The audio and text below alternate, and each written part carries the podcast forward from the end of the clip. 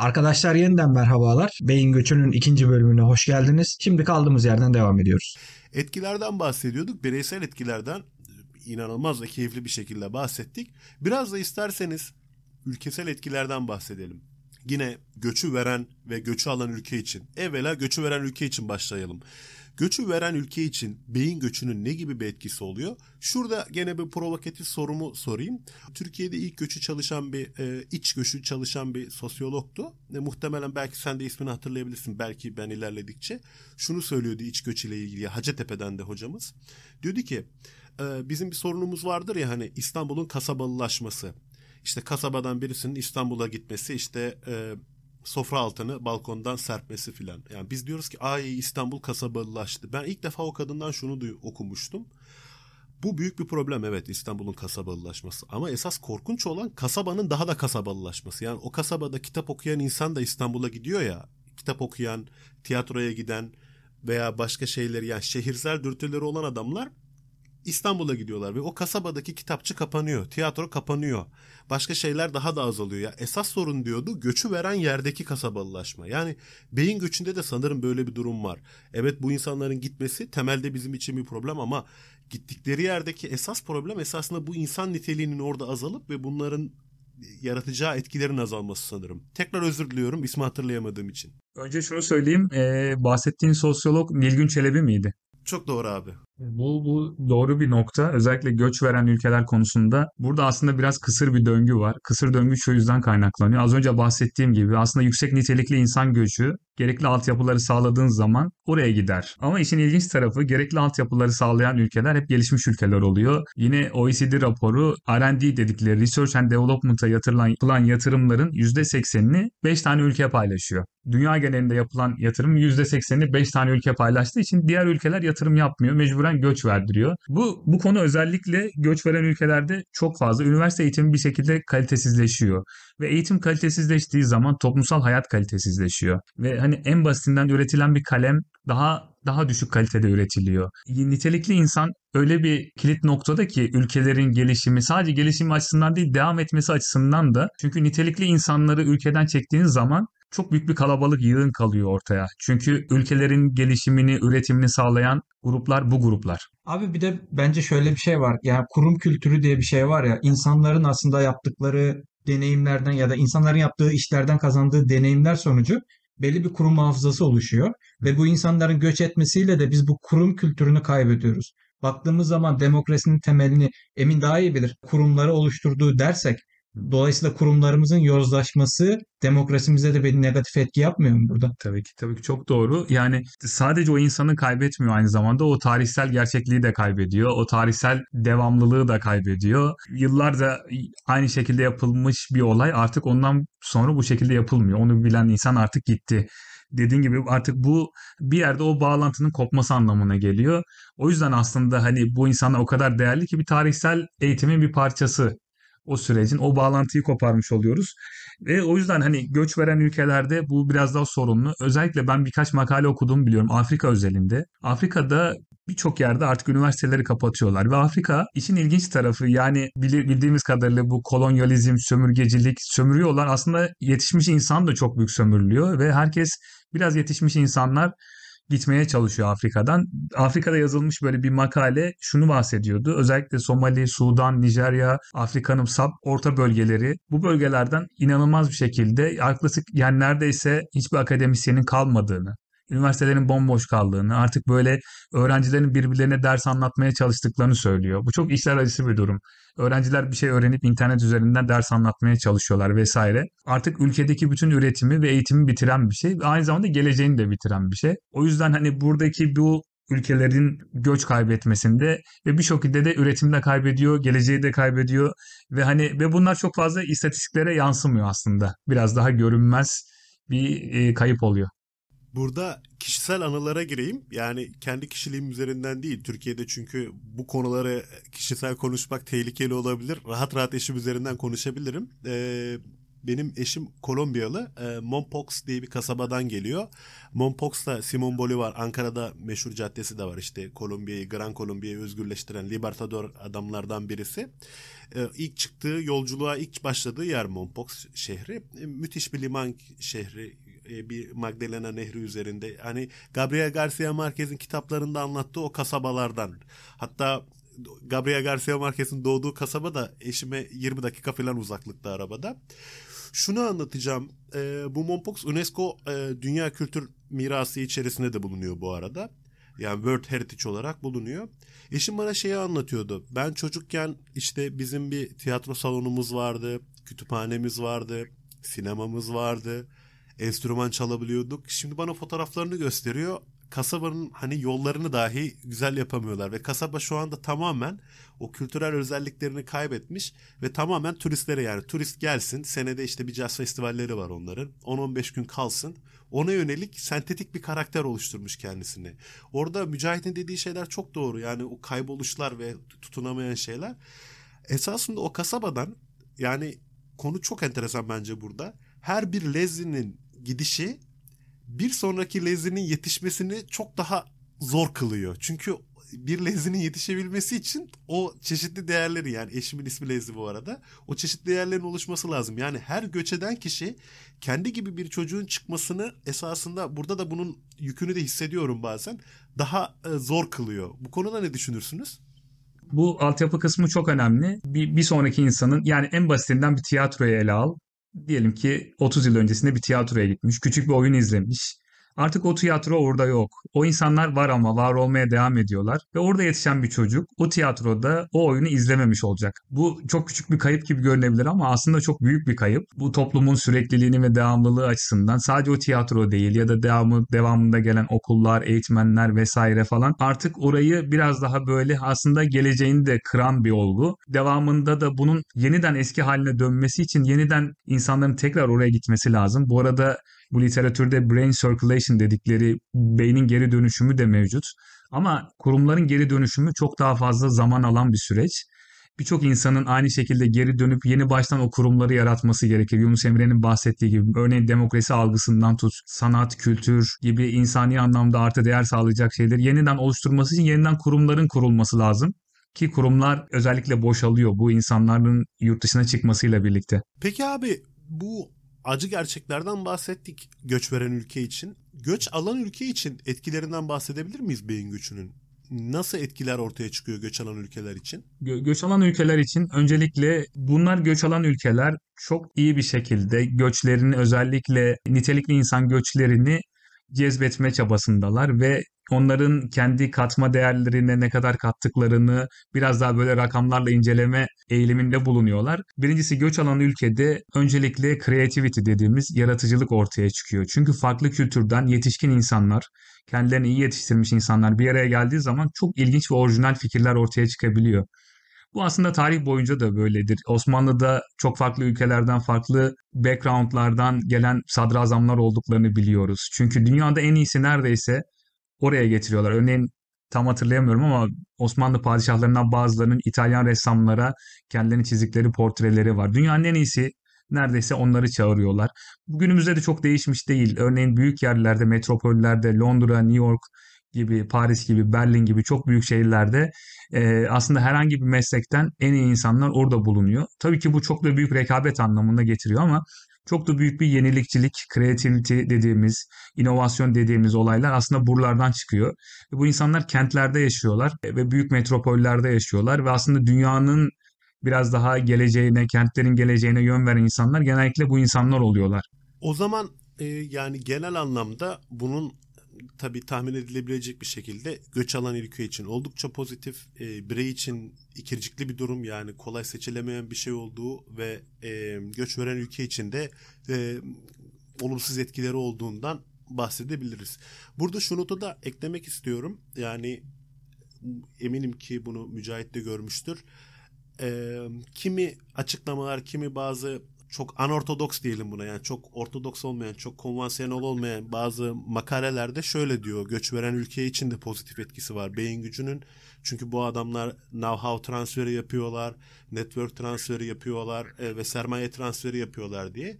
Fakat benim genelde gördüğüm bunun böyle olduğu iddia edilse bile bu bence bir veya iki jenerasyonluk bir etki en fazla. Çünkü iki ve üçten itibaren jenerasyonlarda e, çoğu göçmen artık ülkesiyle bağını kaybediyor veya Mücahit'in bahsettiği o e, diasporalar içerisinde yaşamaya başlıyorlar. Yani geç veren ülke için bunun pozitif bir şey olduğu konusunda benim ciddi şüphelerim var. Ne demek istersin Mücahit? Bu da çok önemli. Belki şöyle bir şey söylenebilir. Ben de aslında kısmen o görüşlere katılıyorum. Çünkü örneğin mesela Türkiye özelinde konuştuğumuz zaman bugün çok büyük bir tartışma konusu. İşte birçok doktorun Almanya'da olduğu ya da yazılımcının yurt dışına çıktığı vesaire söyleniyor. Ama günümüzde özellikle bu yetişkin insanlar çok aslında mobiller, çok fazla hareketliler. Farklı yerlere de göç ediyorlar. Çünkü bu göçmen türünü diğer türlerden ayırmamız lazım. Özellikle bahsettiğim işçi göçünden ayırmamız lazım. Çünkü işçi göçünde olan şuydu. İnsanlar kalkıp Türkiye'nin herhangi bir ilinden kalkıp Almanya'ya gidip Stuttgart'ta bir bisiklet fabrikasında işe başlayıp küçük bir Volkswagen araba alıp küçük böyle köşedeki dönerciden de bu aslında e, şimdiki bu tarzda göçmenlerde az önce bahsettiğim makalede But You Don't Look Like Turkish makalesinde de şunu söylüyor. Bu insanlar aslında örneğin Almanya'da da kalıcı değiller. Daha iyi bir iş bulduğu zaman Londra'ya gidebilir, Paris'e de gidebilir ya da New York'a da gidebilir ya da daha iyi iş bulduğundan Türkiye'ye de gidebilir. Çünkü bu insanlar Türkiye'den bunları sadece gerekli altyapıların sağlanması lazım. Özellikle Türkiye özelinde konuşuyoruz. Daha böyle kapsamlı özellikle mesela Hindistan'dan ya da ne bileyim biraz daha böyle yapısal dediğimiz brain drain var. Mesela Hindistan'dan İngiltere'ye göç çok katmanlı bir göç. Çünkü bunun kolonyalizmle, sömürgecilikle bağlantısı var. Bunun önüne geçmek çok zor. Tarihi değiştirmemiz lazım ki önüne geçelim. Ama Türkiye'nin böyle bir geçmişi yok. Allah'a şükür sömürgecilik geçmişi yok.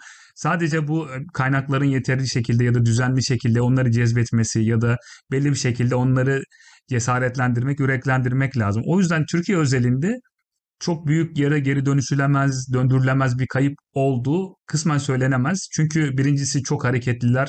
Türkiye'de gelirler, Türkiye'de gelenleri de var. Türkiye'den gidenleri de olduğu gibi.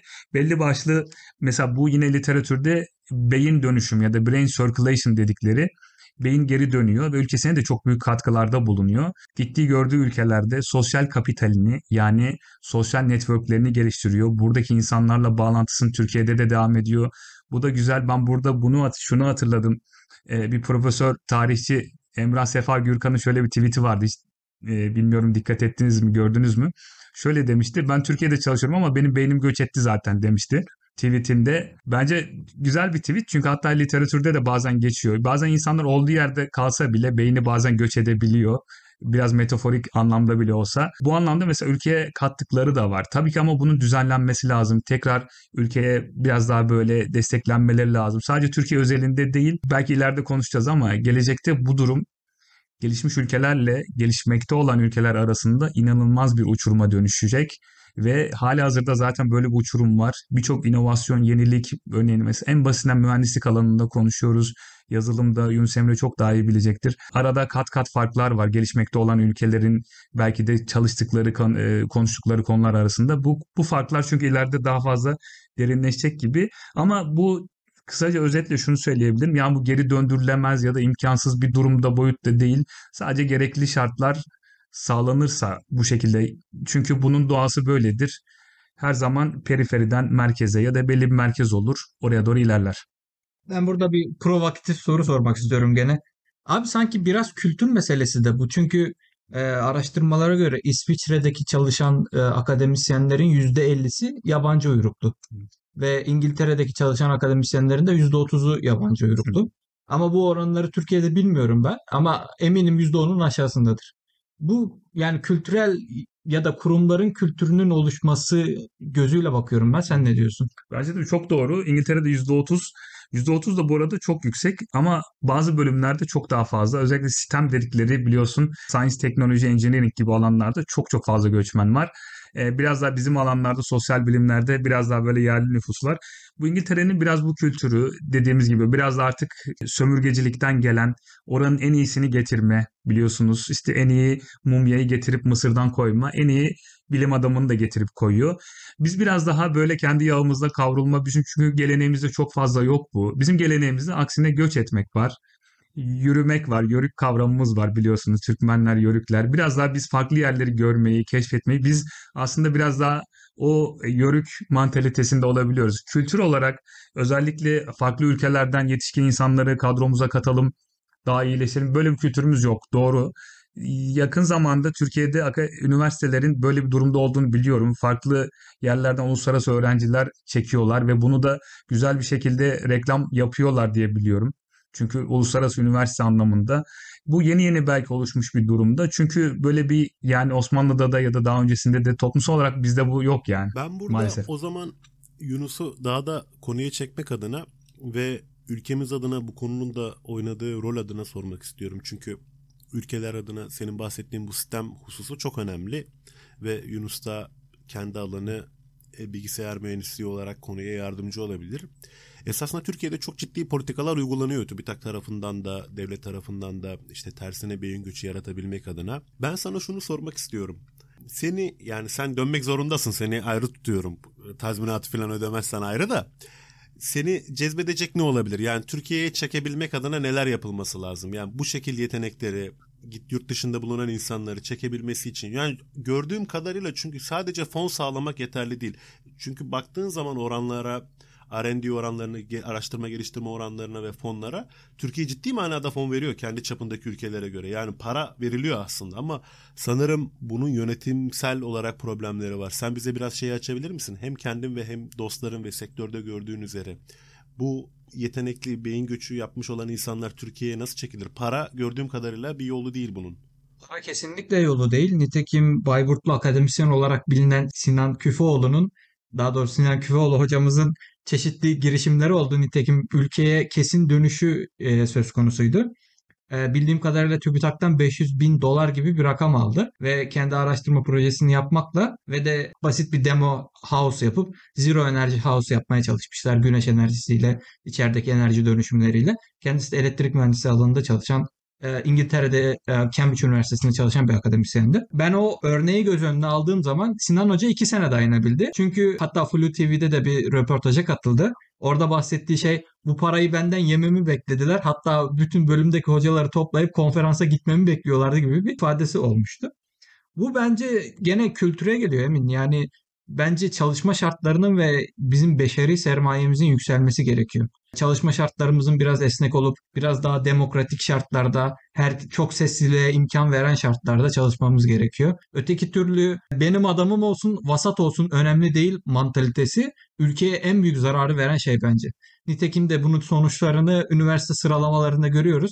Ben Ege Üniversitesi mezunuyum. Ben 2014'te mezun olduğumda Ege 498. idi. Şu an ilk binde bile değil herhalde giderek vasatlaşan bir üniversiteden bahsediyoruz.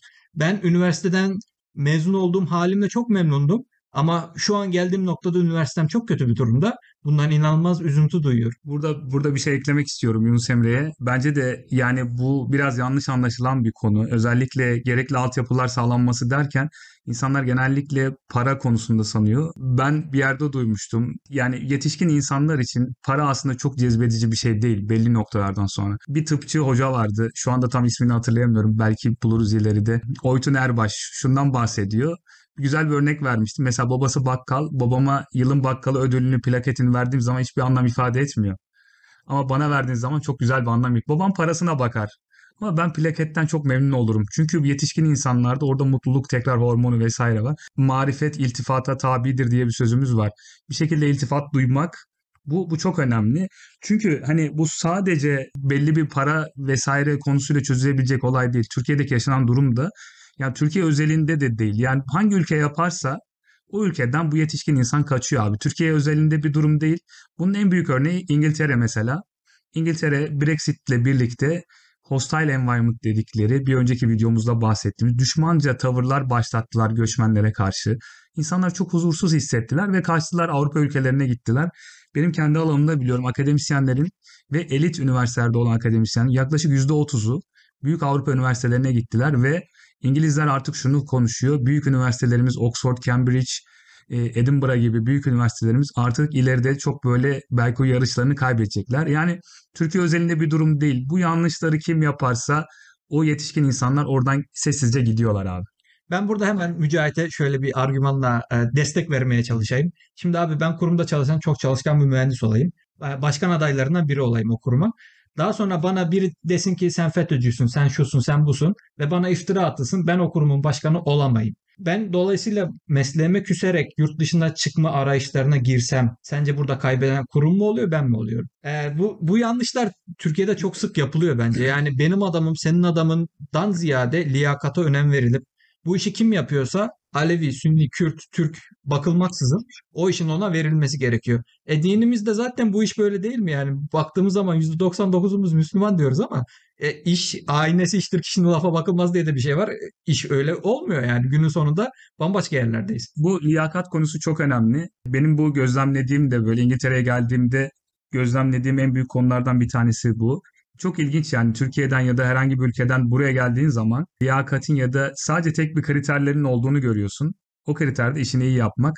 Şöyle çok küçük bir anım var. Ben çok şaşırmıştım. Yani şaşırmam bile ilginç aslında ama bizim sosyoloji bölümünde yılın açılış konuşmaları olur. Akademik yıl açılış konuşmaları. Yaklaşık 2018 ya da 2019 yılında bir açılış konuşmasını bir tane hocamıza verdiler. Çok detay vermeyeyim ama hocamız e, yeni gelmişti buraya. O da göçmen. Doğu Avrupa göçmeniydi açılış konuşmasını yaptı, kendi çalışmasından bahsetti, sunumunu yaptı. En sonunda sunuma bir fotoğraf koymuş. Hocamız yaklaşık 45-50 yaşlarında bıyıklı, kafada saç olmayan. Kendi fotoğrafı da şöyle kısa gelinlik gibi bir elbise giymiş. Biraz stratez mi diyorlar bilmiyorum. Mini etekli. Kendisi e, LGBTQ community'ye e, üye olduğunu söyledi. Dedi ki cumartesi günleri de falanca pub'da ben de bu şekildeyim. Beni orada gelirseniz görürsünüz dedi. Bu bana çok ilginç geldi. Çünkü o hani akademi işte çok ağır işte açılış konuşması vesaire bir de smoking giyen insan gördüm abi ben o gün. Ondan sonrasında mesela bu adamın örneğin cinsel kimliğiyle hiç kimse kafasına takmıyor. Sadece işini iyi yaptığı için açılış konuşmasını ona veriyorlar ve en sonunda da fotoğrafla gösteriyor. Ben de bu şekildeyim vesaire diyor. Çok büyük bir sorun yapmıyor ama mesela bizde yaşadığımız sorun çok küçük şeyler üzerine sorunlar yaşıyoruz. Giyim, kuşam, başörtüsü sorunundan tutalım. Bir sürü politik olayları biraz da tabu haline getirip vesaire. Bu liyakat olayı bence çok kritik bir olay. Yunus Emre'ye onu eklemek istedim. O zaman şu ana kadar Türkiye için çok önemli bir husus olan beyin göçünü konuştuk yani nedir, nedir olduğundan tanımından bahsettik. Bunun nedenlerinden bireysel ve ülke anlamında etkilerinden birey için, gittikleri ülke için ve göç veren ülke için bahsettik ve buna karşı önlemler kısmını çeşitli şekillerde ele aldık. Bir de projeksiyonlar yapalım beyler arzu ederseniz.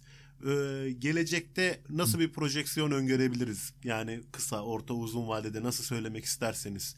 E, bu defa değişiklik yapayım. Yunus'tan başlayayım.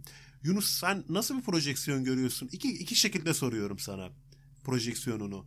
Türkiye ve dünya genelinde beyin gücü. Nasıl olacak yani kısa, orta ve uzun vadede? Ben bu soruya şöyle yaklaşmak isterim. Trump'ın başkanlık yaptığı Amerika'daki göçmenlik algısı yavaş yavaş düşmeye başladı. Avrupa ülkeleri önem kazanmaya başladı. Bu da aslında demokrasinin ne kadar önemli olduğu, Mücahit'in daha önce bahsettiği ifade özgürlüğü sağlanan insanların o ülkeleri tercih sebeplerinden biri yapıyor aslında. Bu, bu nedenle de demokrasisi iyi olan insanların sürekli beyin göçü alacağı tarafında bir projeksiyonum var benim. Edit masasından merhabalar. Burada bahsettiğim aslında devletler olması gerekiyordu, insanlar değil.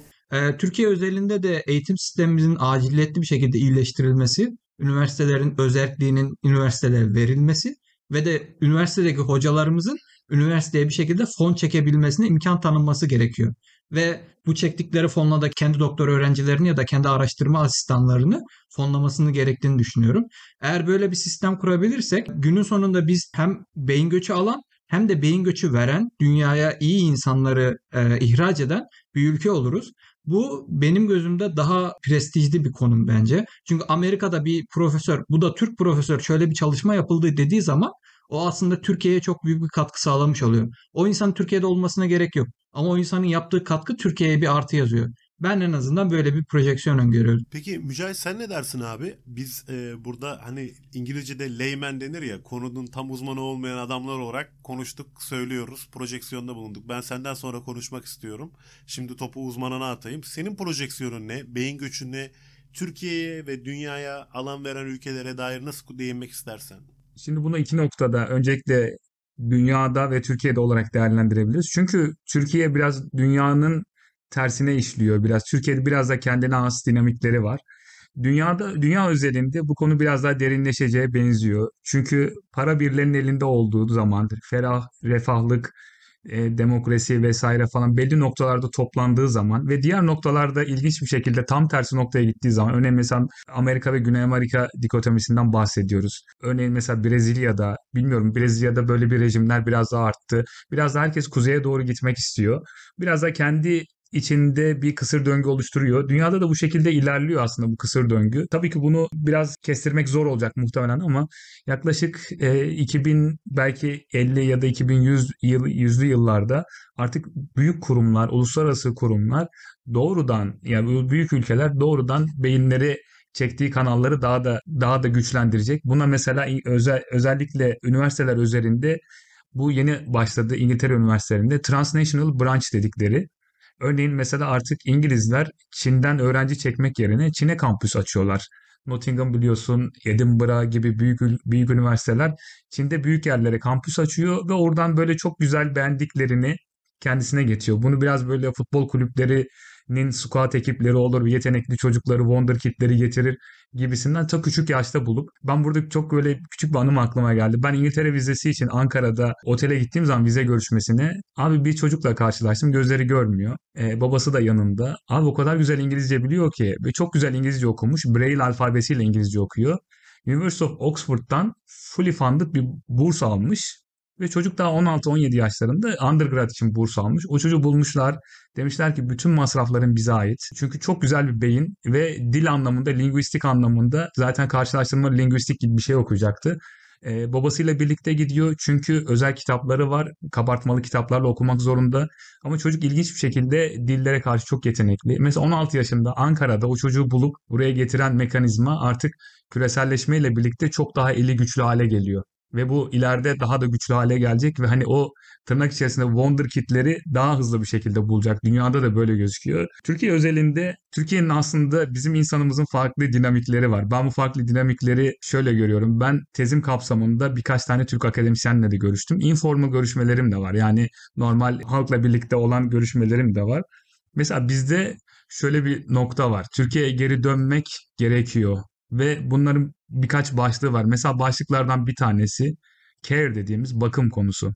Birçok insan yurt dışına geldiği zaman bu insanların az önce hatırlattığım gibi ailesinin olduğunu, ailesi var. Mesela birçok insan bana şunu söyledi.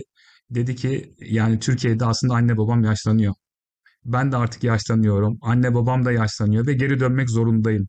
Çünkü biz büyük kültürden geliyoruz. Bu kültür çok bireyselleşmiş bir kültür değil. Daha ziyade komünal bir kültür. Ben mesela örneğin doktora tezi kapsamında 30-32 farklı ülkeden katılımcıyla konuştum. Bu göçmenlerle konuştum. Farklı ülkelerin farklı aile kültürleri var. İskandinavya gibi, Almanya gibi çok bireysel kültürler var.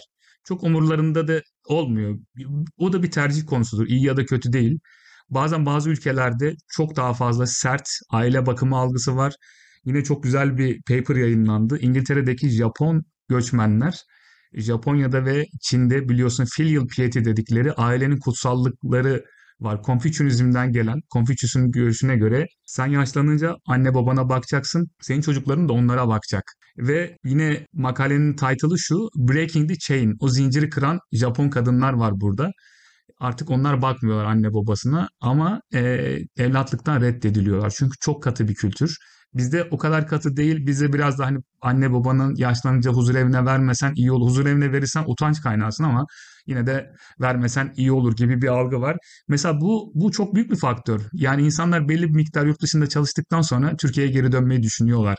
Ne kadar geri döner, ne kadar geri gerçekleştirir onu bilmiyoruz ama bu çok güzel bir büyük bir etken. Bu da kültürden kaynaklanan. Bir diğer etken yine benim böyle gördüğüm sadece yine Türk akademisyenler de göçmenler de değil. Bunu nasıl adlandıracağımı bilmiyorum ama bazı insanlar şöyle diyor abi. Biraz güçlenip Türkiye'ye geri döneceğim. Onlara gününü göstereceğim gibi böyle birkaç tane akademisyen var. Bunlarla da kendi bir, bizzat görüştüm. Orta Doğu'dan gelen, Irak'tan, e, ya da işte bizim biraz da Türkiye Cumhuriyetlerden, Azerbaycan'dan ya da Türkiye'den gelenler de var. Çünkü geldikleri ülkelerde akademik hayat sorunlu ve işte bahsediyoruz hani bazı insanlar sadece adam kayırmacılıkla bir yere geliyorlar. Sen de çok güçlü değilsin çünkü akademik anlamda early kariyersin. Belli bir şeyleri değiştiremiyorsun. Birkaç insan bana şunu söyledi. Ya burada güzel bir çalışma yapacağım, kitap yazacağım, alanımda en iyi olacağım. Ülkeme geri gideceğim, onlara gününü göstereceğim gibisinden böyle bir e, Battal Gazi Malkoçoğlu vari böyle kin besleyen kin mi diyeyim artık bilmiyorum. Hani ama orada yeniden yaşamadığı şeyleri orada yaşamak istiyor. Çünkü dışarıda da e, olmak sorunsuz değil. Türkiye'ye biraz daha böyle özellikle belli noktalardan sonra geri dönüşler olacaktır muhtemelen gelecek proje, projeksiyonu konusunda. Ama bunlar biraz daha tabii ki büyük istatistiklerde ne kadar yer kaplar bilemiyoruz. Tabii ki bunlar politikayla da alakalı, ne kadar önem verildiğiyle de alakalı. Ben Ekşi Sözlüğü çok sık takip ederim. Bilmiyorum siz takip eder misiniz? Geçenlerde Ekşi Sözlük'te şöyle bir başlık vardı. Gözlenen en büyük toplumsal değişim diye. Türkiye'de gözlenen en büyük toplumsal değişim. Ben çok merak ettim ve kendimce bir soru bulamadım sosyolog olarak ama yaklaşık böyle hani en çok favori alan yaklaşık 5-6 tane entry şunu söylüyordu. Artık gitgide cehaletin kutsanır hale gelmesi. Bilgili olmanın ya da efendi olmanın, kibar olmanın, bilgili olmanın ya da hani artık mütevazi çok olmanın. mütevazi olmanın çok böyle bir şey getirmemesi ve cehaletin kutsanması.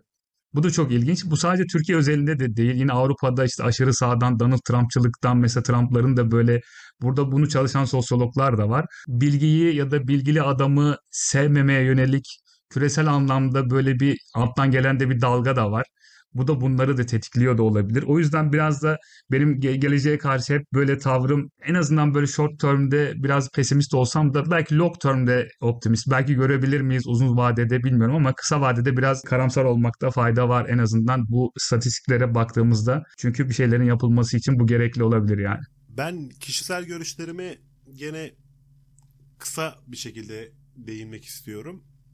Birincisi ikinizin de söylediklerine büyük oranda katılıyorum. Bence en önemli noktalardan biri yani ek, katıldığım için ekleyebileceğim çok da bir şey yok. Tekrar da sizi tekrarlamak istemiyorum. Ben başka bir nokta olarak şuraya değinmek istiyorum. Bu kaçınılmaz bir şey. Yani e, okyanusta bir dalga gibi, bir doğal afet gibi, deprem gibi bir şey. Yani bu olacak. Bundan kaçamayacağımız için beyin göçü bir gerçek olarak Türkiye'de bulunacak. En doğrusu belki bununla baş edebilme yollarını yani bunu olabildiği kadar engellemek. Hiç olamayacağı durum olmayacak. Ne kısa ne uzun vadede belli ki. Bununla ilgili şeyi görmüştüm. Gene senin bahsettiğin o circulation kısmı Mücahit'in ve Yunus'un bahsettiği hem alan hem veren bir ülke olma kısmında Kanada'da da beyin göçü oranı yüksek ama Kanada aynı zamanda kaliteli sini de alabildiği için orada bir yer değişimi gibi oluyor. Yani Kanadalılar bitirip başka bir yere gidiyor. Bence Türkiye'nin belki de hedeflemesi gereken bu. Çünkü şey bir gerçek yani 2013 yılında ben Mısır'daydım. Ee, darbe olduğu zaman filan Mısır'daydım. Ee, şunu görüyorsun yani bir Mısırlı için Türkiye parlayan bir yıldız. Yani bir başka dostlarım da oldu. Hem Mısır'da diğer Arap arkadaşlarla, Afrikalılarla hem Türkiye'de İranlılarla filan. Yani Türkiye bu bu bölgenin gerçekten parlayan bir yıldızı. Bunu belki lehimize de kullanabiliriz. İkinci değinmek istediğim noktada şey şu. Yani bu kaçınılmaz bir şey ve buna doğru bir şey yapalım dedim. İkinci olarak da şunu söylemek istiyorum. Ee, Mücahit de değindi, Yunus da esasında değindi yöntemsel olarak kurumlardaki işleyişlerden. Ben aklım hafsalam almıyor. Yani bununla baş etmenin yolları belli. Bununla nasıl doğru şekilde yola çıkacağı belli. İşte liyakate önem vereceksiniz. İfade hürriyeti olacak. Demokratik kurum işleyişleri yapacaksınız ve bu çözülüyor yani. Çözen ülkeler var. Ben şeyi aklım almıyor. Cem Yılmaz'ın filmindeki gibi. Bu ok zehirli, bu ok atma. Ya çözümünü biliyoruz. Yollarını biliyoruz. Parayla olmadığını da biliyoruz. İnatla hala işte şu, şu kadar fona bu kadar yatırım aldık bilmem ne yapıyoruz. Bu bana çarpıcı geliyor. Benim e, değerlendirdiğim kısım da bu. Projeksiyondan hariç de bireysel bir şey de bulunmak istiyorum. Daha sonra size bireysel olarak bu konu ne çağrıştırıyor ve bireysel duygu ve fikirleriniz hani akademisyen kimliğiniz dışarıda olarak soracağım. Bireysel olarak da şöyle bir şey hissediyorum ben. E, Mücahit'in dediği o care kısmını hem kendi aileme karşı hissediyorum hem de belki de kulağa çok e, vatanperver gelebilir, hamasi gelebilir de memleketime karşı hissediyorum. Size daha önce eşimin örneğinde bahsettiğim şey var ya yani sen bir kasabadan ayrıldığın zaman o kasabada doğacak bir sonraki lezliği bir yerde öldürüyorsun aslında.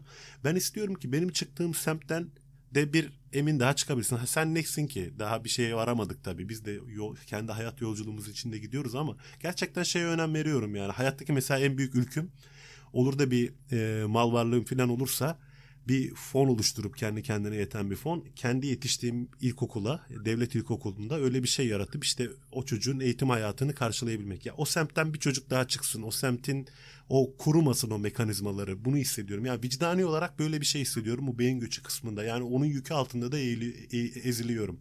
Sizler ne düşünüyorsunuz? Sizlerdeki bireysel duygusal çağrıları nedir? Yani çünkü beyin göçünü ele aldık. Nedenini, bireysellerini, etkilerini, her şeyden, projeksiyonlardan bahsettik. Şimdi biraz daha belki de duygusal, belki de e, hissiyatsal kısımdan bahsedelim. Gene ilk Yunus'tan başlayayım sonra Mücahit'e döneyim. Yunus'cum sen ne hissediyorsun? Seni, sana ne çağrıştırıyor bu konu ve senin duyguların neler? Abi beyin göçü bir kere ülkelerin bir kaybı bence. Çünkü yetiştirdiğin, hazırladığın böyle dört dörtlük pırıl pırıl gençleri altın tepsilerde başka ülkelere vermek günün sonunda en büyük zararlardan bir tanesi. Ben bunu çok üzülüyorum. Ama giden insanlara da hak vermiyor değilim. Çünkü gördükleri muameleden, yaşadıkları tecrübelerden. Ya bu insanlar bir gecede ben yurt dışına gidiyorum demiyor çünkü. Bu bir süreç ve bu süreci destekleyen, köstek olan, bilmeden yurt dışına insanları kaçıran bir mekanizma var belki de.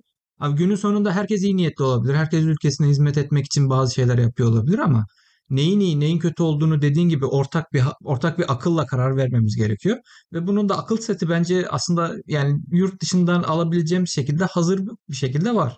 Baktığımız zaman İsviçre bunu nasıl yapıyor? Almanya bunu nasıl yapmış? İngiltere bunu nasıl yapıyor? Nasıl e, maintain ediyorlar? Nasıl bunları sağlıyorlar aslında? Günün sonunda kural setlerimiz belli. Ama biz bunları hala inatla ve ısrarla kaçınıyoruz. Sen de bir önceki programlarımızda bahsettin. Bu elinde bulunan güç aslında öyle bir şey ki işte vazgeçemiyorsun. Hatta geçen gün bir olay oldu. İstanbul Üniversitesi'nden bir profesör, Kocaeli Üniversitesi'nden bir hocaya gitmiş odasında basıp taciz etmiş sen benim olacaksın kadın falan demiş. Ya bunlar akıl alınacak şeyler değil. Ya bu çözülmediği sürece bence e, insanlar gitmeye devam edecek. Ama inanıyorum ki insanların feraseti bir yerde baskın gelecek.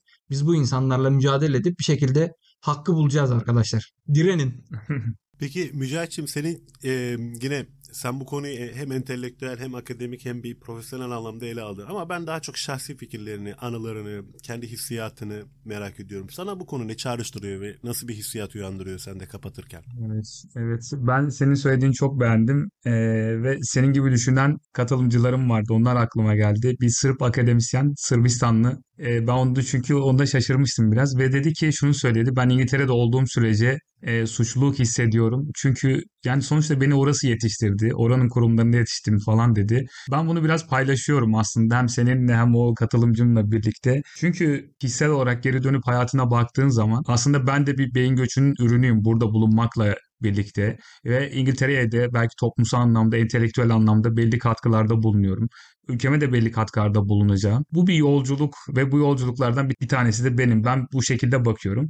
Diğer aslında göçmenlerle birlikte buradaki insan da aslında beyin göçü de çok huzurlu da değil. Aslında her insan bence biraz daha az önce işte DHKPC'li örneği ülkesini biraz daha özlüyor. Özellikle bilmiyorum bizim jenerasyonda mı var ya da sadece bizim topraklarda mı var bilmiyorum ama bizde bu biraz daha vatan kavramı daha önemli ve kendimizi daha rahat hissettiğimiz yer ve sonuçta oranın eğitim kurumlarından eğitim alm, oranın ekmeğinden, simitinden yemişiz. Biraz biraz daha romantize edersek biz aslında bunların bir ürünüyüz. Süleyman Demirel'in çok güzel bir betimlemesi var. Ben Ispartalıyım. Süleyman Demirel'e çok o bol bol alıntı yaparım o yüzden.